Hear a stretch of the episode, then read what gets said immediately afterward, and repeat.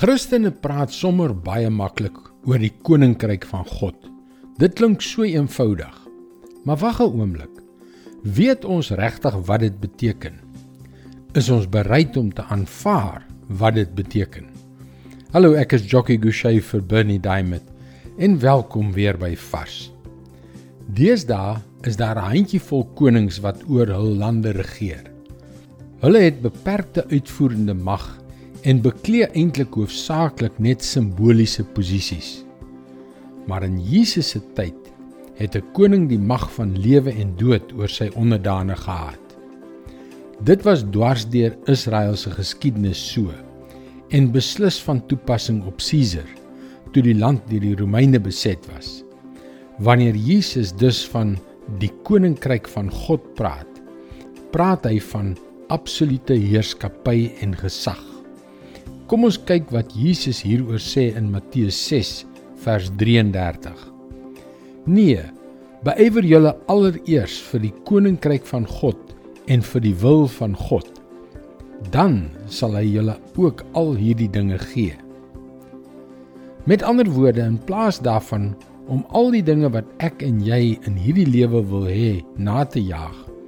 En as ons eerlik is, is daar baie wêreldse dinge om te begeer behoort die ding wat ons die meeste begeer, die koninkryk van God te wees.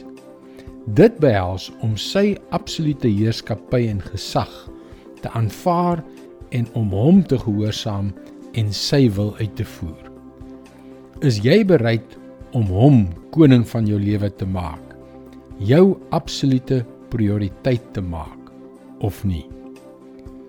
Glenn Bleakney 'n Bybelgetroue leraar stel dit so.